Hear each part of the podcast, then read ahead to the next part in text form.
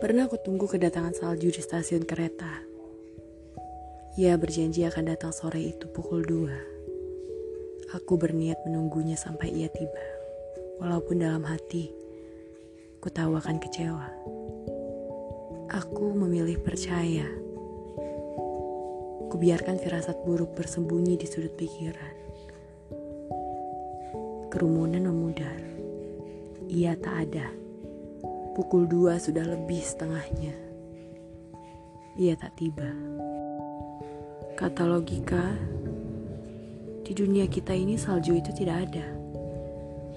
Kata hati, ada asal kita percaya.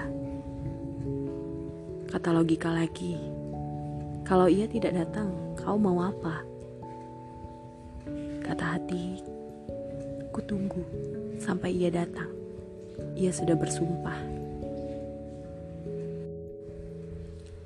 Kereta pelan-pelan berangkat.